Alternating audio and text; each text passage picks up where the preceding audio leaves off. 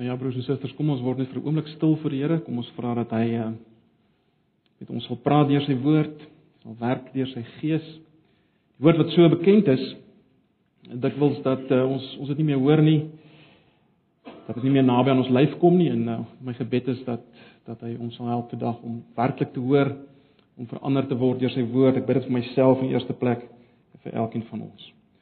Kom ons raak net stil en vra ons dat die Here nou met ons sal werk en sal praat voor ons na die woord gaan. Ja Here, ons kom na U toe. Ons kan na niemand anders toe gaan nie. U is die hoof van hierdie liggaam. Hierdie plaaslike gestalte van U liggaam Antipas. Ons is van U afhanklik vir alle groei, alle leiding, alle krag, alle genade. Daarom kom ons na U toe. Here, U ken ons, U ken my. U ken ons elkeen se swakhede. U weet vanoggend waarmee elkeen van ons worstel, die sondes in ons lewe. Al die luiheid, al die laksheid om U oorgawe te dien. U ken ons. Maar dankie dat Ons kan vashou aan die belofte dat U die geknakte riet nie breek en die dowwe lamp dit nie uitblus nie.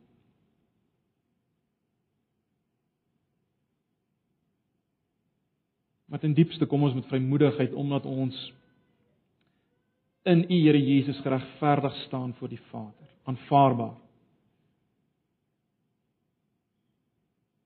Ons weet niks kan dit verander nie. Niks wat ons kan sê of doen kan ons posisie verander voor U nie. En ons dankie daarvoor. Ons dankie daarvoor. En nou wil ons maar net vra dat U vir oggend uit genade met ons sal praat en met ons sal werk. Gebruik U woord, Here. Ja, gebruik U woord ten spyte van my eie swakheid. Kom doen U oortuigingswerk, bemoedigingswerk tot eer van U naam, tot uitbou van U koninkryk. Amen.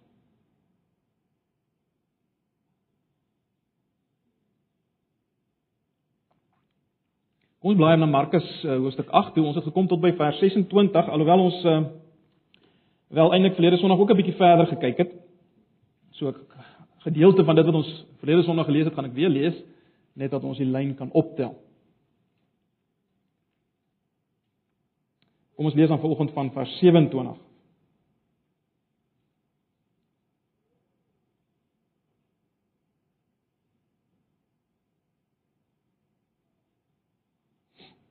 Markus 8 vanaf vers 27, ek lees maar die 83 vertaling. vertaling. Daarna het Jesus en sy disippels na die dorpies naby Caesarea Philippi gegaan. Langs die pad het hy vir die disippels gevra: "Wie sê die mense is ek?" Hulle antwoord hom: "Johannes die Doper, party sê weer Elia en party een van die profete." Maar julle vra hulle: "Wie sê julle is ek?" Petrus antwoord hom: "U is die Christus." Toe belet hy hulle om dit vir iemand anders te vertel. Vers 31 Jesus het hulle toe begin leer dat die seun van die mens baie moet ly, dat hy deur die familiehoofde en die priesterhoofde en die skrifgeleerders verwerp moet word en doodgemaak moet word en 3 dae later moet opstaan. Hy het met hulle hieroor reguit gepraat. Toe het Petrus hom op sy geneem en hom begin berisp. Hy het egter omgedraai en na sy disippels gekyk en vir Petrus berisp.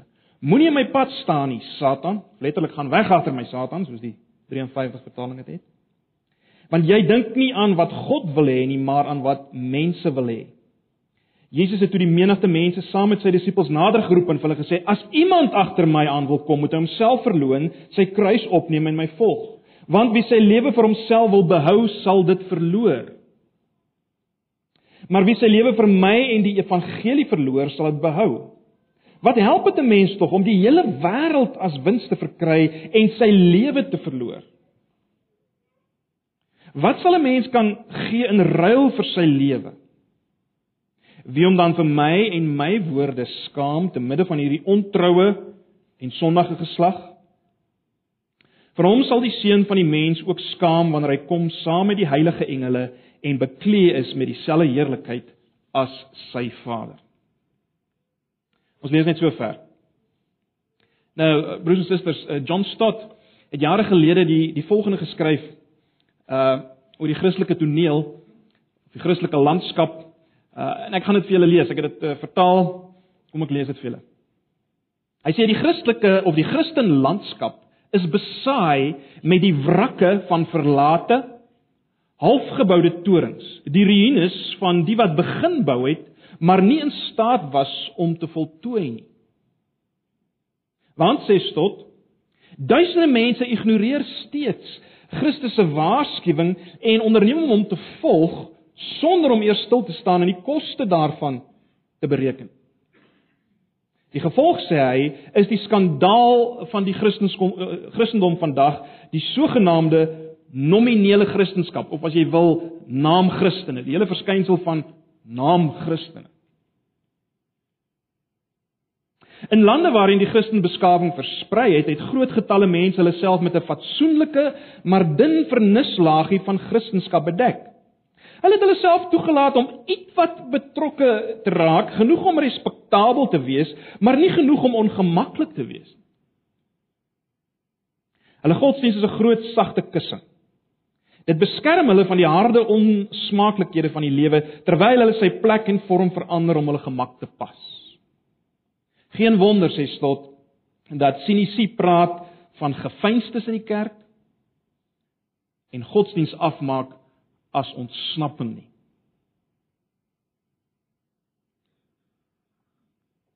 Nou broers en susters, ek dink uh, Stot se beskrywing van die Christelike toneel is waarskynlik baie meer raak as wat baie van ons selfs vanoggend hier sou wou toegee. Maar wat is die rede daarvoor? Ek dink die rede vir hierdie toestand hierdie toestand waar ons naam Christene aanvaar as Christene is omdat baie sogenaamde Christene nie die oogtoets geslaag het wat die disippels tot op hierdie stadium in Markus nie geslaag het. Ek sê dit weer, die rede vir die toestand waarin ons is, is omdat baie sogenaamde Christene nie die oogtoets geslaag het wat die disippels tot op hierdie stadium in Markus nie geslaag het. Waarom noem ek dit 'n oogtoets? Wel, ek herinner julle aan verlede Sondag toe Jesus moedeloos uitgeroep het daar in hoofstuk 8, uh ek dink dit is vanaf vers 18. Julle wat oë het, sien julle dan nie? Julle wat ore het, hoor julle dan nie? Hy roep moedeloos uit Het julle oë maar julle sien nie, het julle ore maar julle hoor nie. En dan sal julle onthou net daarna dan dan doen hy 'n wonder. 'n Baie snaakse een. Hy genees 'n ou, maar uh, hy genees hom net so halfpad. Dan vra hy vir hom, uh, "Wat sien jy?" Hy wil hê die man moet hardop antwoord en dan sê die man, "Ja, ek, ek sien mense loop, maar ek sien hulle soos bome." En dan oor hierdie ou was half blind. Hy hy, hy het alles waserig gesien. Julle julle ken die verskynsel. En Jesus wil daarmee sigbaar sê, disippels, dis die toestand waarin julle is. Julle sien, maar julle sien nog heeltemal nie. Julle julle sien nog wasig. En julle sal onthou, Jesus het hierdie man weer 'n keer aangeraak. En toe sien hy duidelik. In ander woorde, implikasie, disippels, julle het 'n tweede aanraking nodig om werklik te sien. Om werklik te sien. En ons het daaroor gepraat. Nou, hier vanaf vers 27 kom die Here Jesus en hy toets as te ware weer die disippels se sig, se oë. En dan word hy wil kyk, verstaan julle nou al, disippels, sien julle nou al wie ek is? sien julle nou al waaroor gaan alles? Hierdie hele saak van die koninkryk wat ek begin verkondig het. sien julle nou al waaroor gaan dit? En hy doen dit aan die hand van 'n paar vrae. Amper soos 'n oogtoets, nê, nee, wat jy Jy wys die toets vir die ou en dan vra jy, sien wat sien jy en en so voort. Ons kry iets iets hiervan hier. Die eerste vraag is is is redelik maklik, met ander woorde die die die letters is redelik groot. Hy sê wie sê die mense is ek? Wie sê die mense is ek? En dan antwoord hulle wel, die mense sê hy ouens sê jy's Johannes die Doper, ander ouens sê jy's Elia, ander ouens sê jy's een van die profete. Dan stel Jesus die die letters bietjie kleiner en hy vra: "Maar julle? Wie sê julle is ek?" En dan sê Petrus: "Wel, is die Christus." En dan baie interessant, wat is Jesus se reaksie? Wat is Jesus se reaksie? Hy sê nie wonderlik Wonderlik. Uh ek sien julle sien nie. Dis reg. Kom ons gaan aan. Hulle is opgelet dat hy ignoreer as te ware hulle antwoord en hy sê vir hulle wel moet vir niemand sê nie.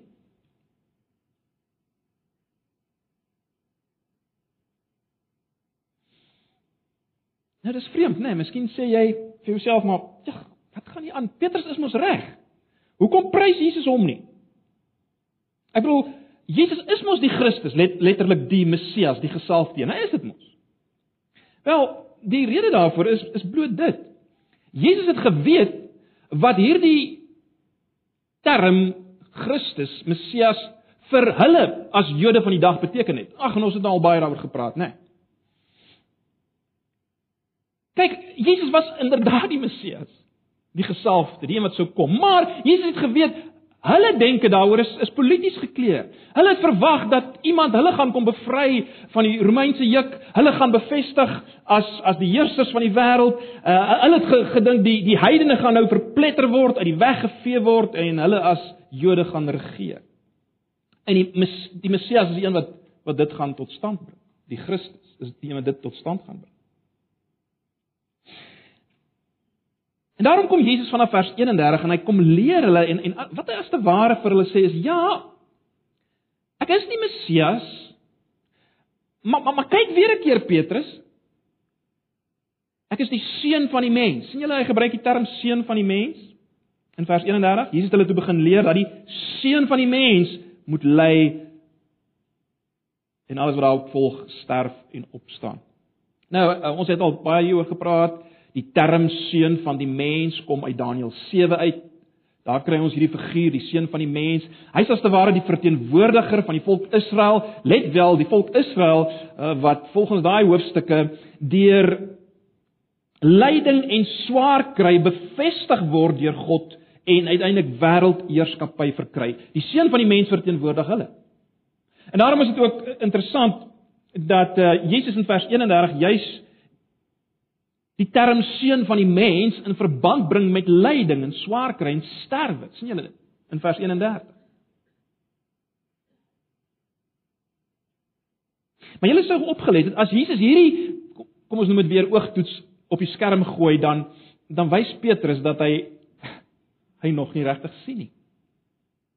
Want julle sou gesien dat hy hy hy bestraf Jesus eintlik. Hy berisp hom. Hy vat hom een kant toe en en waarskynlik het hy vir hom iets gesê soos Maar Jesus, nee. Jy is belaglik. Jy's die gesalfde van God. Hoe kan jy nou praat van lyding en sterwe? Dit is dit dis nie waar dit gaan nie. Dit gaan oor oorwinning en wêreldheerskappy, Jesus. Jy het gesien hoe die groot oogarts bestraf hom. Letterlik sê hy vir hom gaan weg agter my Satan. Moenie my pad staan nie, Satan soos die 83 vertaling dit stel. Hoekom? Hoekom hierdie drastiese woorde van Jesus? Wel, broers en susters, omdat Petrus as hy as te ware nie wil hê Jesus moet die pad van lyding loop nie, as hy dit doen, doen hy as te ware presies dieselfde as wat die Satan probeer doen het in die versoeking in die woestyn. Onthou julle? Uh, die Satan wou as te ware vir Jesus sê: "Ag man, hoekom sal jy so swaar kry en ly? Maak brode uit die klippe uit. Kom sien nou honger wees." En soek jy die koninkryke van die wêreld, laat ek dit vir jou gee. Dis waarmee Petrus besig was. Jy sien die Satan wou gehad het Jesus moes die kruis ontduik. Die Satan wou gehad het Jesus moes nie die kruispad loop nie. Uh uh en en en en, en Petrus wil nie nou hê Jesus moet die kruispad loop nie. Maar jy sien as Jesus nie die kruispad loop nie of geloop het nie, dan was daar geen verlossing vir die wêreld nie. Dan kon hy nie 'n nuwe mensheid beklee met 'n geregtigheid voor God. Dan sou die wêreld in die mag van die Satan bly en onder God se oordeel bly. 'n Nuwe begin sou nie moontlik wees nie. Jy sien, dit sou katastrofiese, vernietigende gevolge gehad het as Jesus enigstens 'n kort pad na heerlikheid sou gevat het. Maar ons moet nie fout maak dit dit dit moes 'n ontsettende versoeking vir Jesus wees om 'n kort pad te vat na heerlikheid. Dit moes 'n geweldige versoeking gewees het.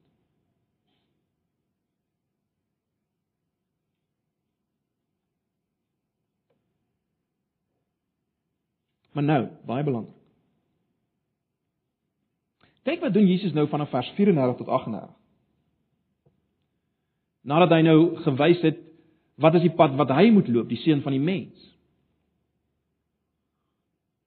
Dan kom hy en hy maak baie duidelik dat hierdie seun van die mens waarvan hy nou gepraat het, hierdie een wat die pad van lyding moet stap na uiteindelike verhoging, hierdie seun van die mens het 'n gevolg. Hy's 'n leier met 'n gevolg. Of as jy wil 'n koning met onderdane. Of as jy wil 'n herder met 'n kudde, net soos jy dit wil stel. En wie is hulle? Wel, hulle is sy disippels. Die punt wat hy wil maak is dit: as hy hierdie pad loop, as die seun van die mens, hierdie pad waaroor ons nou gepraat het van lyding en swaar kry, as hy hierdie pad loop, is dit net van selfsprekend dat sy gevolg wat aan hom verbind is, dit ook gaan loop. Daar's geen ander manier nie. Dis wat hy sê. Met ander woorde, kortweg sê hy, dis onmoontlik om disipel te wees. Dis onmoontlik om waarlik te sien, om werklike geestelike sig te hê sonder om agter Jesus aan te stap op dieselfde pad, naamlik die pad van die kruis. Dis wat hy hier sê.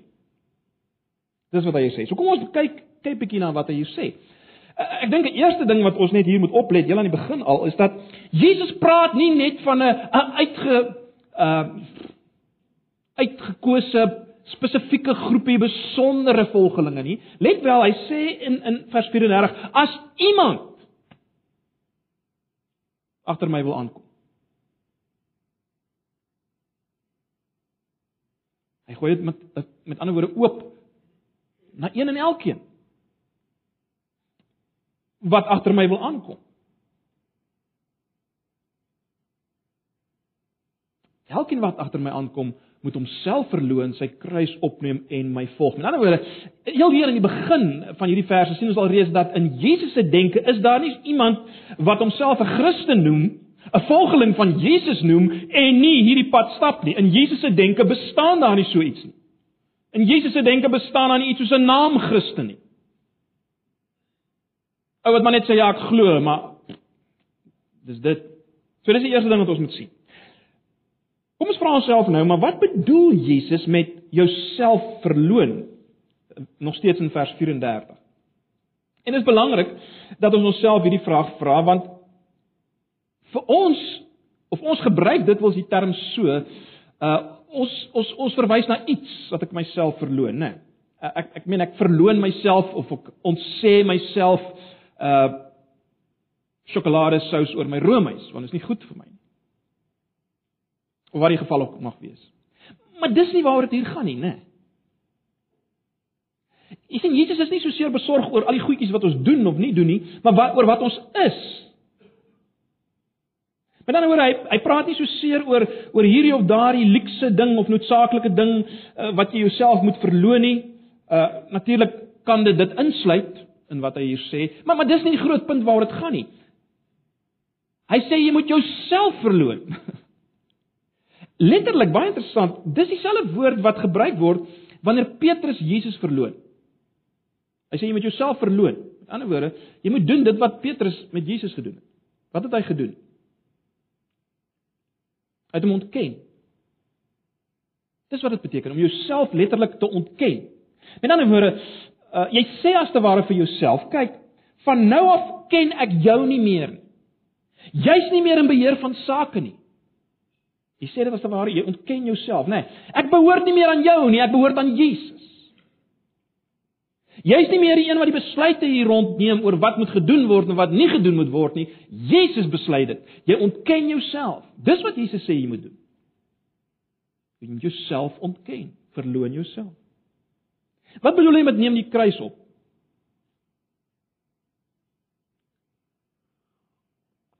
Weereens wat bedoel hy nie? Wat bedoel hy nie? Wel Hy bedoel nie die kruis wat jy moet opneem is 'n moeilike situasie, 'n kroniese siekte, 'n kermende vrou uh of so iets nie.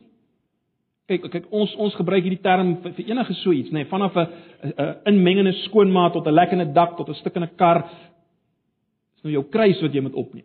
Maar, maar met alle respek, dis nie waaroor dit gaan nie. Dis nie wat Jesus bedoel het nie met die term kruis nie. En dis nie hoe die eerste lesers dit sou verstaan het nie.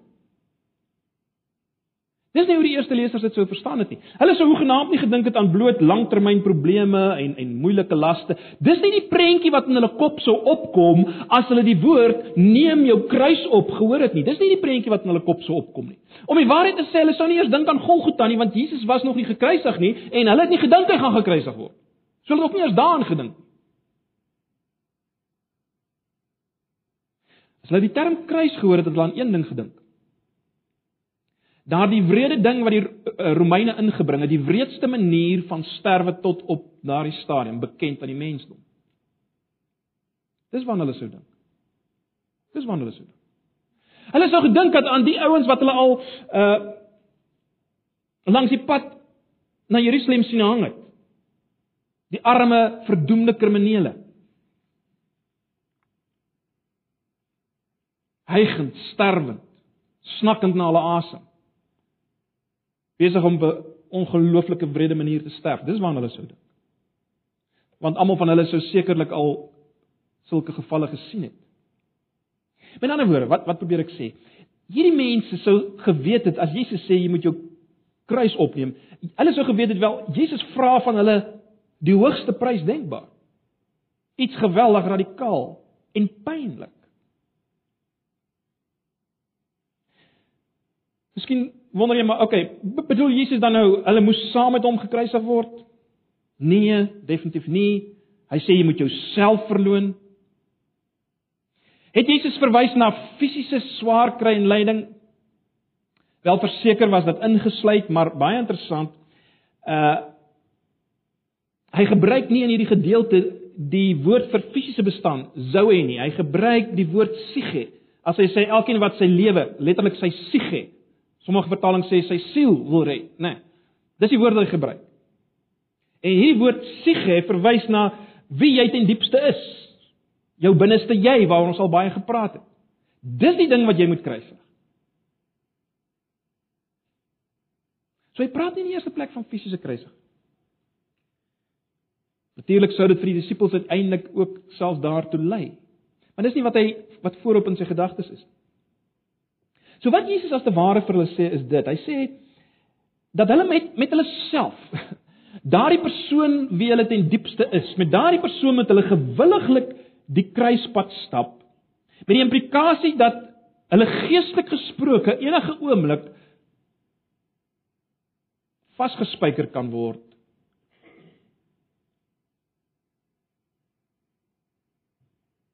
En weet aardig moet sterf aan dit wat in die pad staan van navolging van hom en die evangelie. Dis wat Jesus ten diepste hier sê.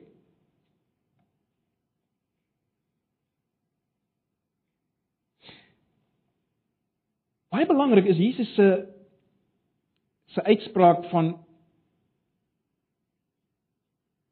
hierdie persoon wat homself verloon, sy kruis opneem, moet Jesus volg, moet my volg Hy moet sy lewe om my ontwil en die evangelie ontwil verloor. Dis baie belangrik want dit help ons om te verstaan wat Jesus regtig hier sê. Van watter kruisiging praat hy presies?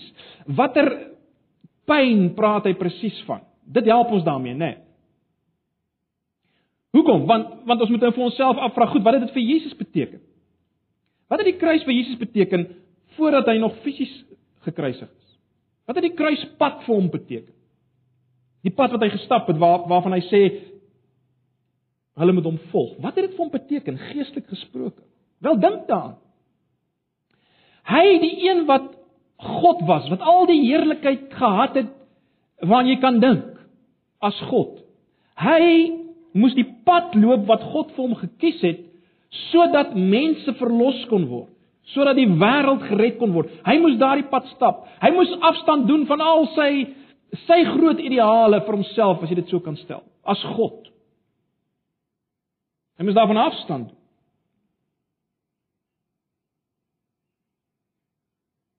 En broers en susters, as ek en jy nog dink dat die afstand doen, die op sy sit van wie hy was om mens te word, as ons dink dit was enigiets minder as 'n letterlik eintlik 'n kruisdood of dan nou figuurlike kruisdood, uh dan maak ons 'n groot fout Dit was geweldig. Dit moes ontsaglik vir hom gewees het om mens te word. God wat mens word. En baie belangrik, daar was heeltyd die versoeking om 'n kort pad te vat. Ons het nou al daaroor gepraat. Dis wat die Satan probeer. Hy sê vir hom, "Vat 'n kort pad. Hoe sê jy hierdie pad loop? Hierdie hierdie kruispad." Daar was baie geleenthede.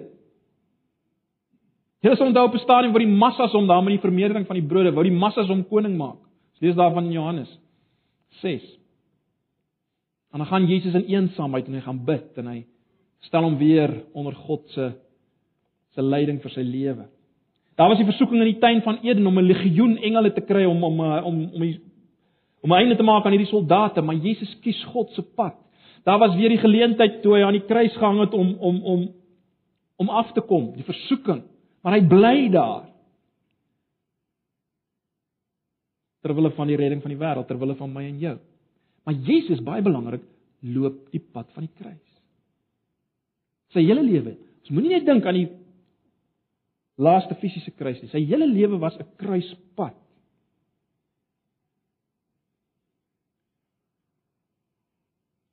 En daarom sê Jesus ten diepste vir sy disippels, kyk, die kruis vir julle beteken om my te volg. Met ander woorde, dit beteken Julle moet wreedaardig handel met daardie diepste self van julle elke keer as julle voor die keuse staan om julle eie lewe te red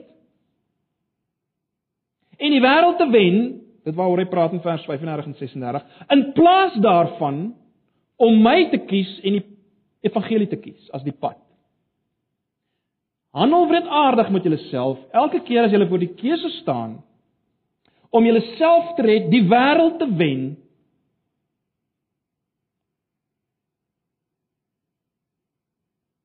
of my te kies, my te volg in die pad van die evangelie te stap vir die redding van mense. Dis wat Jesus hier vir hulle sê.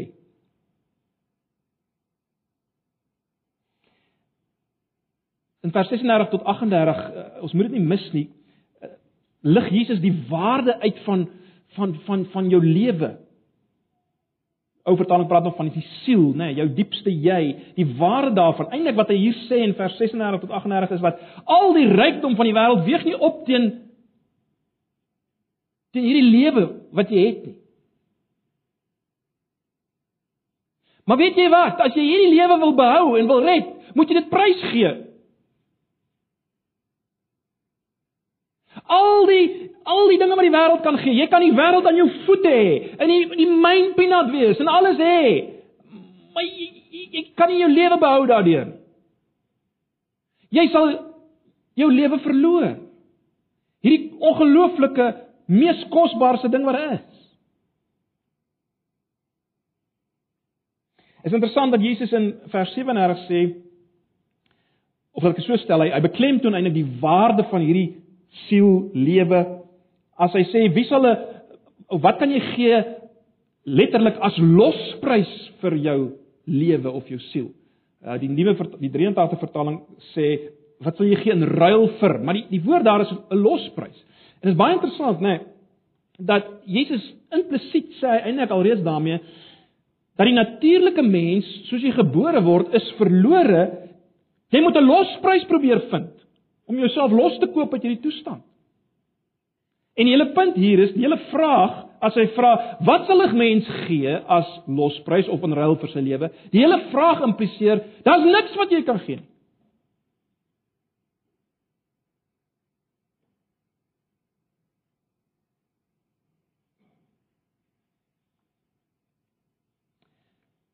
In vers 38 word selfverloning en die opneem van die kruis gelykgestel aan die nie skaam wees vir Jesus en sy woorde onder 'n ontroue en sondige geslag of letterlik oorspelige en sondige geslag. So wat Jesus sê is as jy jou nie skaam vir Jesus en sy woorde nie, dan wel dan per definisie verloon jy jouself en jy neem jou kruis op. Né? Nee. Baie belangrik, implisiet En ek ek, ek dink tog mense kan dit sê. Implisiet wys Jesus ook hier dat dat hy die losprys vir die siel is. Daar niks wat jy kan gee nie.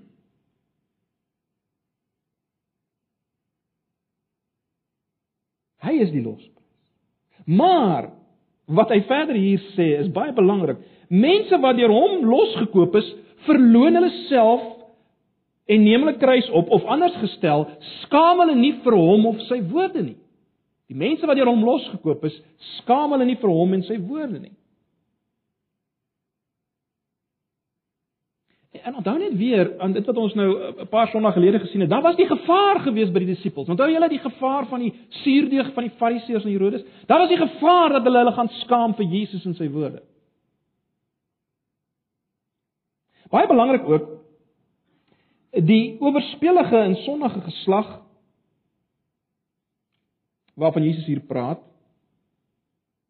Verwys nie na die heidene nie, hoor. Dit verwys na die Jode. Die godsdienstiges van die dag, Israel van die dag. Gaan lees maar Psalm 73 vers 27, Jesaja 57 vers 3.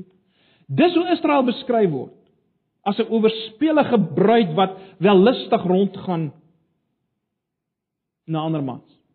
So wat Jesus sê is te midde van hierdie oënskynlike godsdienstige mense wat 'n ander idee het oor wat dit beteken om God te behaag, dis te midde van hierdie mense, te midde van die kerkmense as jy wil, in ons idioom. Dis te midde van hulle wat julle die kruispad moet loop. Die pad van verloning en kruisiging van jouself. Dis dis nie godsdienstiges wat julle moet loop. Die ouens wat 'n ander opinie het daarvan. Dis wat Jesus hier sê. Dis waar jy jou nie moet skaam vir Jesus en sy woorde nie. Binne die godsdienstiges van die dag. En dan sluit Jesus af en wat hy in inderwaarheid hier sê is is dit en is geweldig. Hy sê as julle julle vir hierdie woorde van my skaam onder die godsdienstige Jode van die dag wat 'n oorspelige en sondige geslag is. As julle julle skaam vir hierdie pad waarvan ek nou gepraat het. Petrus, luister mooi, dan sal die seun van die mens.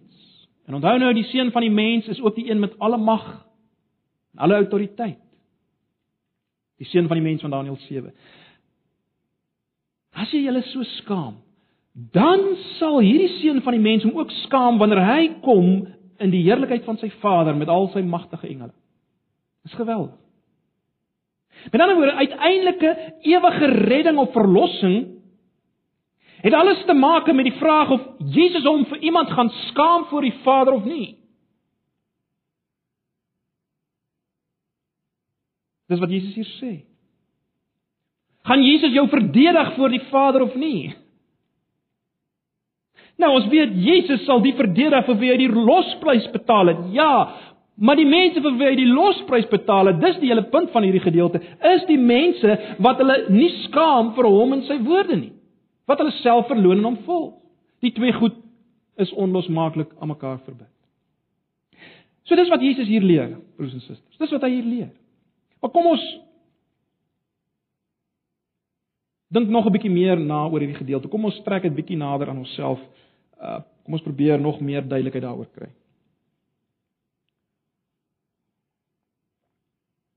Daar's 'n paar dinge wat ons natuurlik moet verstaan as ons na hierdie gedeelte kyk. En die eerste ding is bloot dit.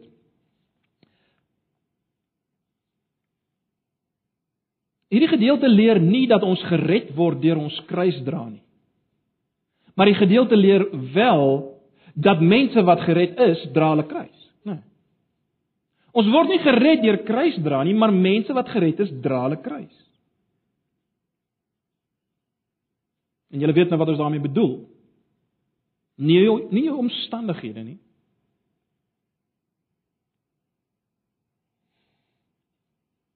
Ek sê ons word nie gered deur ons kruis dra nie. Ons weet dit, né? Nee, ons weet dit uit die res van die Nuwe Testament baie duidelik dat dat die mens wat in geloof na Jesus gevlug het, daardie mens is as te ware reeds gekruisig saam met Christus. Die ou mens wat ons was, die die mens onder sonde, die mens onder die heerskappy van die duiwel, die mens in Adam as jy wil. Daardie mens is reeds gekruisig saam met Christus vanuit God se perspektief. Gaan lees maar weer Romeine 6. Ons het al daaroor gepraat. So jy's reeds gekruisig. Wat jou red is juist die feit dat God jou as te ware saam met Jesus gekruisig het en, en, en laat opstaan het. Jy sien, dis wat jou red. Jesus se se kruis en opstanding waarvan jy deel is uit God se genade wanneer jy jou vertroue geplaas het in Jesus alleen. Dis wat jou red. Maar nou, baie belangrik, die hele Nuwe Testament. En natuurlik dan nou baie duidelik hierdie gedeelte. Maak dit duidelik dat in jou praktiese lewe moet dit nou duidelik word dat dit waar is van jou. Met ander woorde, dat jou ou mens gekruisig is en dat jy opgestaan het saam met Christus as 'n nuwe mens. In jou praktiese lewe moet dit nou duidelik word. Deurdat dit wat pas by die ou mens moet verloon word. Daar daar jy moet sterf daaraan. Dit dit moet gekruisig word. Dit wat hoort by die ou mens. Elke dag deur keuses wat elke dag gemaak moet word. Wilsbesluit keuses wat elke dag gemaak moet word. Dis waar die kruisdra moet sigbaar word. So Jy word nie gered deur jou kruisdra nie. Maar jy kan sien hierdie goed is onlosmaaklik aan mekaar verbind. Die Christen sê, wys met sy lewe nou dat hy wel gekruisig is saam met Christus deur die dra van die kruis en selfverloning. So dis die eerste ding wat ons moet verstaan.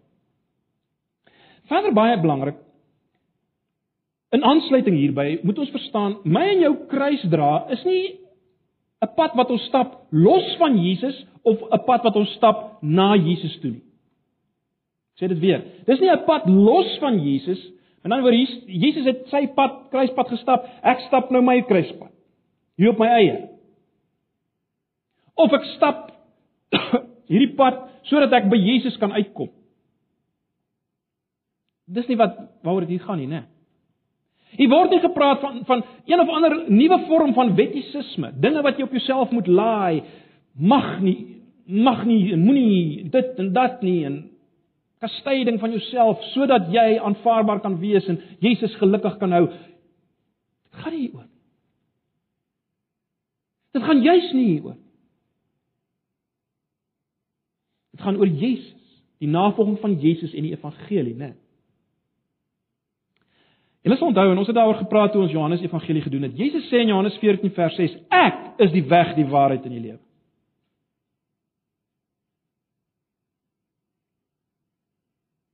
Die pad wat ons stap is onlosmaaklik verbind aan Jesus self. Hy is die pad. Ag, ons het al daaroor gepraat.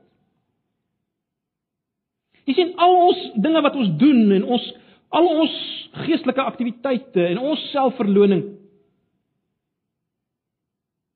Dis nie die pad na hom nie.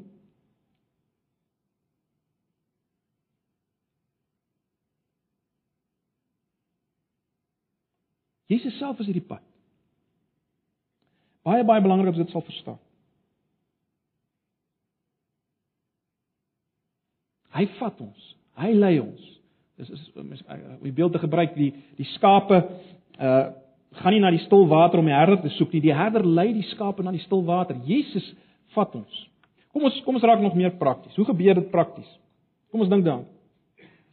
As ek onwillig is om myself te ontken, te verloon en en ek begin beleef dat ek uh, raak afgestomp geestelik gesproke en so meer. Wat is die antwoord?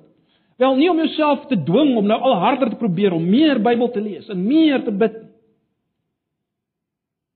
Jy kan nie want jy's nie op Jesus die pad nie, né? Nee. Daarom baie belangrik, in die eerste plek gaan terug na Jesus self toe. Gaan bely wat jy gedoen het. Bely dit. Ontvang vergifnis. En dan is jy by wyse van spreuke weer op die pad, Jesus self en dan kan jy weer begin met selfverloning. Hierdie pad, hierdie kruispad, baie baie belangrik. En jy sien, Dis al klaar natuurlik 'n vorm van selfverloning as jy erken ek kan nie self hierdie pad loop nie. Ek kan nie deur my al harder werk dit doen nie.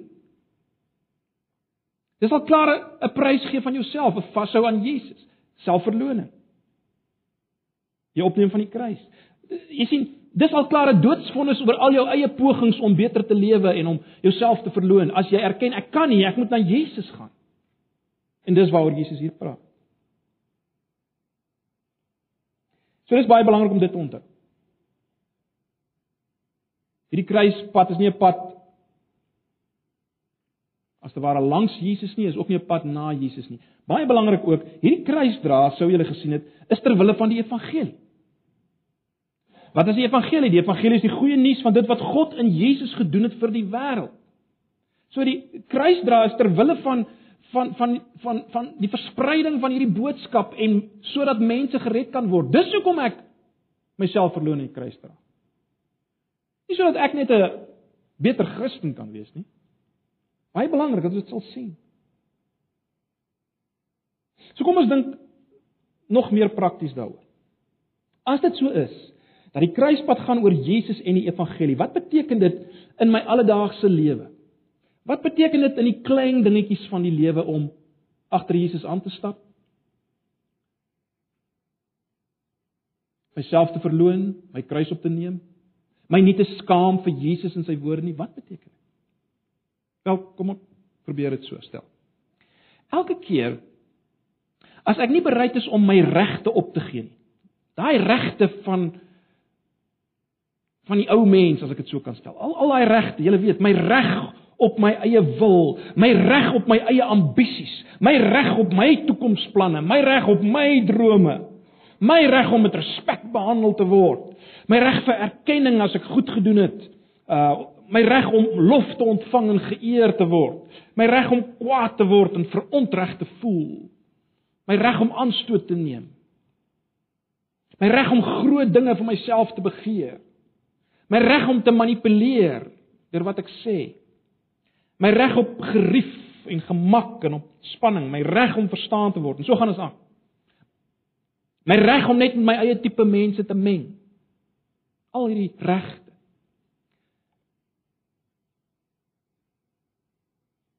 As ek nie hierdie regte opgee nie. En ek begin beleef dat ek geestelik eintlik dor is en al meer doodgaan. Wat is die antwoord? In die lig van hierdie gedeelte, wel, Kyk na Jesus en die evangelie. Kyk na Jesus en die evangelie, dis die punt. En wat sien ek as ek na Jesus kyk? Dan dan sien ek die pad wat ek nou stap om my my regte te behou, is nie die pad wat Jesus gestap het nie. Hy het nie vasgehou aan sy reg as God nie. Sy reg om alles te manipuleer vir sy eie voordeel nie. Sy reg vir groot dinge nie. Hy het nie vasgehou aan sy regte nie. Hy het dit prys gegee ter wille van mense, ons redding, die wêreld se redding. So ek kyk na Jesus en ek besef waarmee ek besig is, pas nie. As ek hierdie pad loop, skaam ek my vir Jesus en sy woorde. As ek hierdie pad loop, verloon ek nie myself nie. Ek neem my kruis op. So wat moet ek doen? as ek dit raak sien? Wel, vlug in die eerste plek na Jesus. Erken dit, bely dit. Sê vir hom, Here, ek veg nog vir my regte. Ek het dit nog nie prys gegee soos U nie. Ek skaam my nog eintlik ten diepste vir U en vir die evangelie. Sê dit vir hom, bely dit. Erken dat jy staan eintlik in die pad van die evangelie. Want omdat jy so staan op jou regte, kan God jou nie gebruik nie.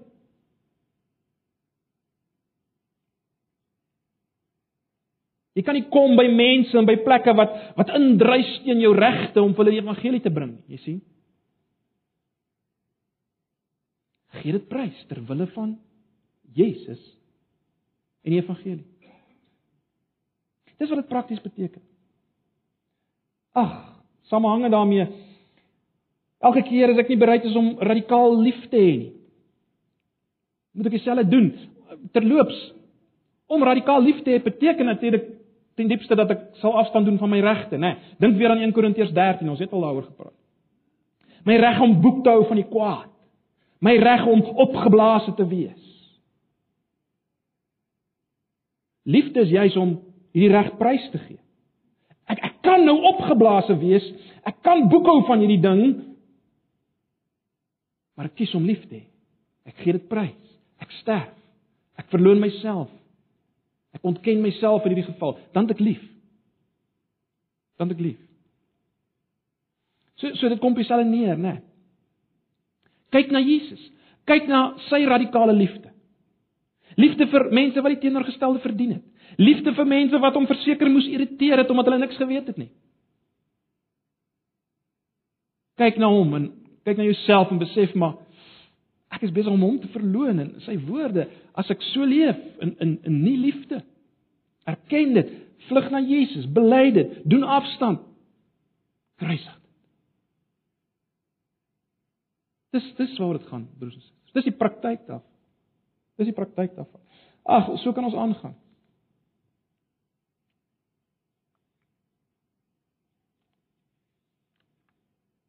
Maar baie belangrik.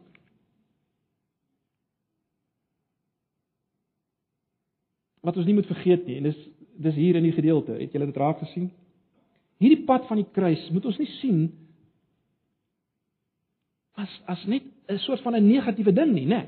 As jy mooi gelees het, sou jy sien die die die kruispad gaan ten diepste oor die behou of die red van jou lewe. Hierdie kosbare lewe. As jy dit laat gaan op die maniere wat ek nou oor waaroor ons nou gepraat het, as jy dit laat gaan in die klein oomblikke van die lewe op die manier waaroor ek waarvan ek nou gepraat het, wel dan red jy jou lewe. Dan behou jy dit. So so dis 'n boodskap van behou van lewe. Dis 'n boodskap van verheerliking. Dis 'n boodskap van vreugde hierdie. Kyk, Jesus het nie gebly aan die kruis nie. Nee. Jesus het nie gebly aan die kruis nie. Hy het opgestaan, hy's verheerlik. Hy sit aan die regterhand van God, bo alle owerhede en magte.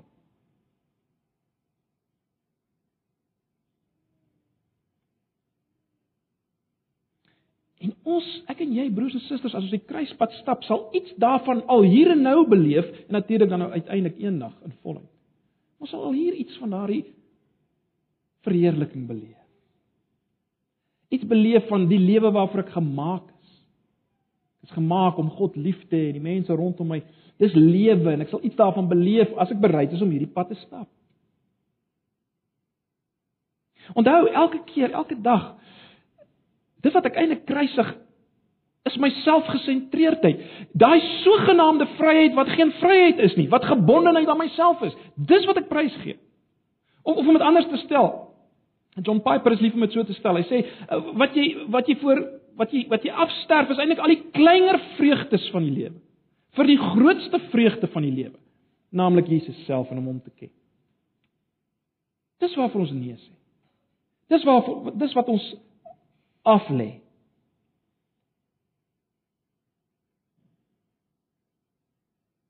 So eintlik as jy hierdie pad stap, is jy op die pad van die grootste vervulling en vreugde wat jy kan wees. En God word verheerlik as jy jou grootste vreugde in hom vind. Dis die pad waaroor dit gaan. So is baie belangrik dat ons dat ons dit alles in daardie lig sal sien. Dis dis positief. Gaan oor die red van die lewe, die behou van die lewe. Ag, ek sluit af. Is dit die Christendom waarmee ek en jy besig is? Hoor ons Jesus al binne ons situasie?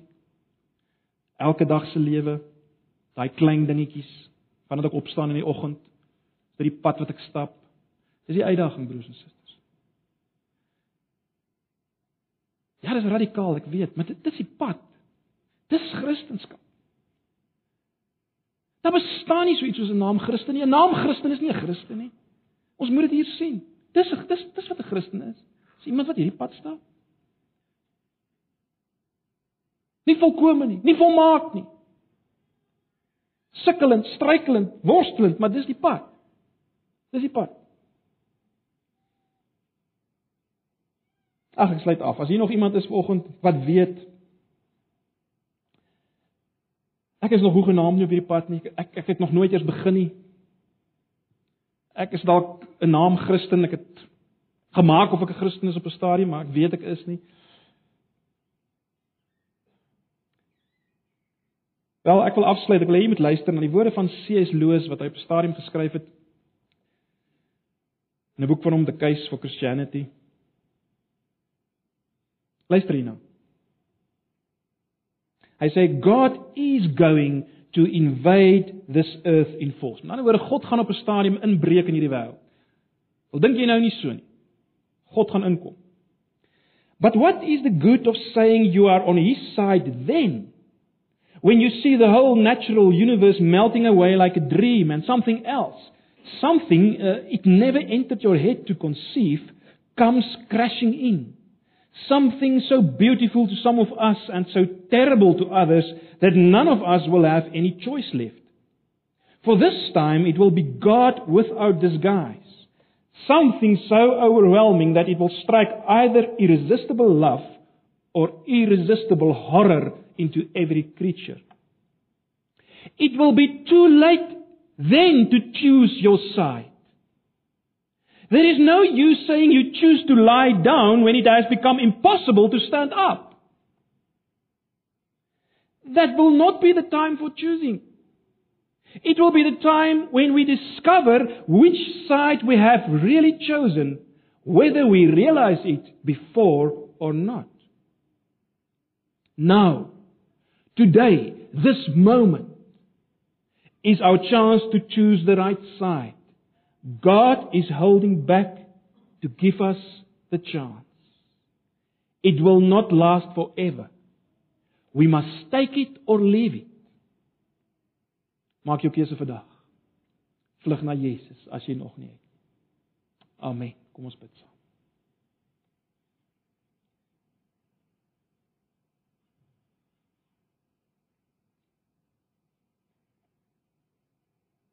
Ja, Here Jesus, ons is so bewus daarvan dat dit wat in vers 38 sê dat U gaan kom, U gaan terugkom, U gaan inbreek, so sê as Loos sê. Daar gaan 'n dag kom wat U gaan kom met U magtige engele. Ag Here, ons sidder as ons daaraan dink. My gebed vir myself en vir elkeen van ons is ag Here dat dat ons nie daardie dag te moed sal gaan, te gemoed sal gaan sonder U nie, sonder dat ons in U is nie en sonder dat ons u pad nou al stap saam met u nie. Uit dankbaarheid vir dit wat u vir ons gedoen het. Ag Here, wees ons genadig. Hoor ons gebed. Ons vra dit in Jesus se naam. Amen.